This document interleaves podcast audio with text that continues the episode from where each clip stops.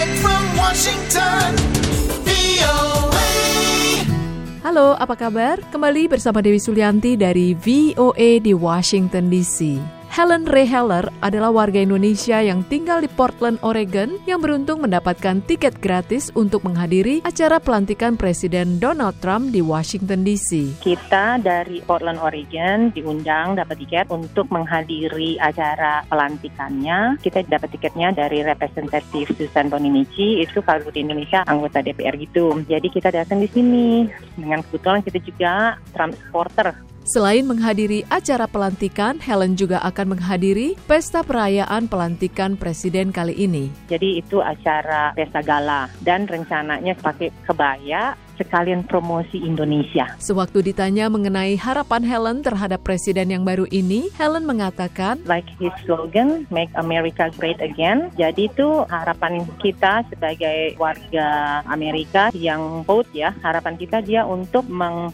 tuh ekonomi Amerika jadi bagus dan keamanan. Selain menjadi ibu rumah tangga, Helen juga adalah pemilik sebuah tempat penampungan bagi perempuan dan anak-anak korban kekerasan di Portland, Oregon, dan juga Yayasan Kasih Utama di Indonesia. Yayasan Kasih Utama ini adalah yayasan yang bekerja untuk anti human trafficking. Yayasannya udah dari tahun 2011.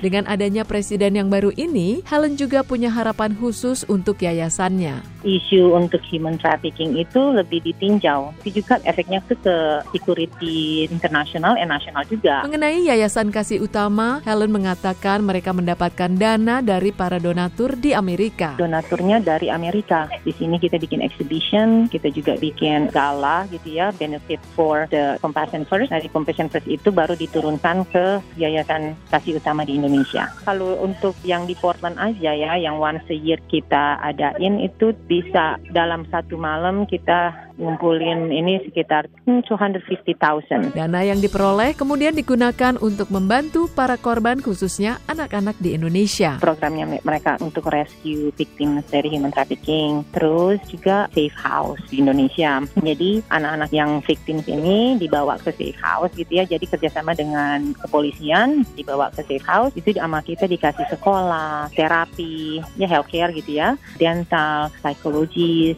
bahasa Inggris dan eh, ada ada ujian ujian persamaan kerjasama dengan Departemen Pendidikan supaya victim ini bisa melanjutkan sekolahnya. Sejauh ini, Yayasan Helen telah membantu sekitar 30 korban perdagangan manusia. yang di Indonesia saja ya, karena kan kita juga programnya di Thailand, ada juga di Portland sendiri gitu. Itu untuk yang human trafficking. Untuk ke depannya, Helen ingin terus meningkatkan kesadaran masyarakat di Indonesia mengenai isu perdagangan manusia. Misi kita tuh untuk menolong victim dari human trafficking ini untuk menjadi apalagi yang anak-anak eh, yang menjadi victim ini untuk bisa melangkah maju ke depan dengan tidak menjual dirinya melalui seksual, seksual trafficking. Itu yang menjadi harapan kita dan untuk mengharapkan pemerintah Indonesia juga untuk membantu kita. Nah itu tadi sedikit cerita mengenai warga Indonesia Helen Ray Heller di Amerika. Dewi Sulianti melaporkan dari VOA di Washington DC.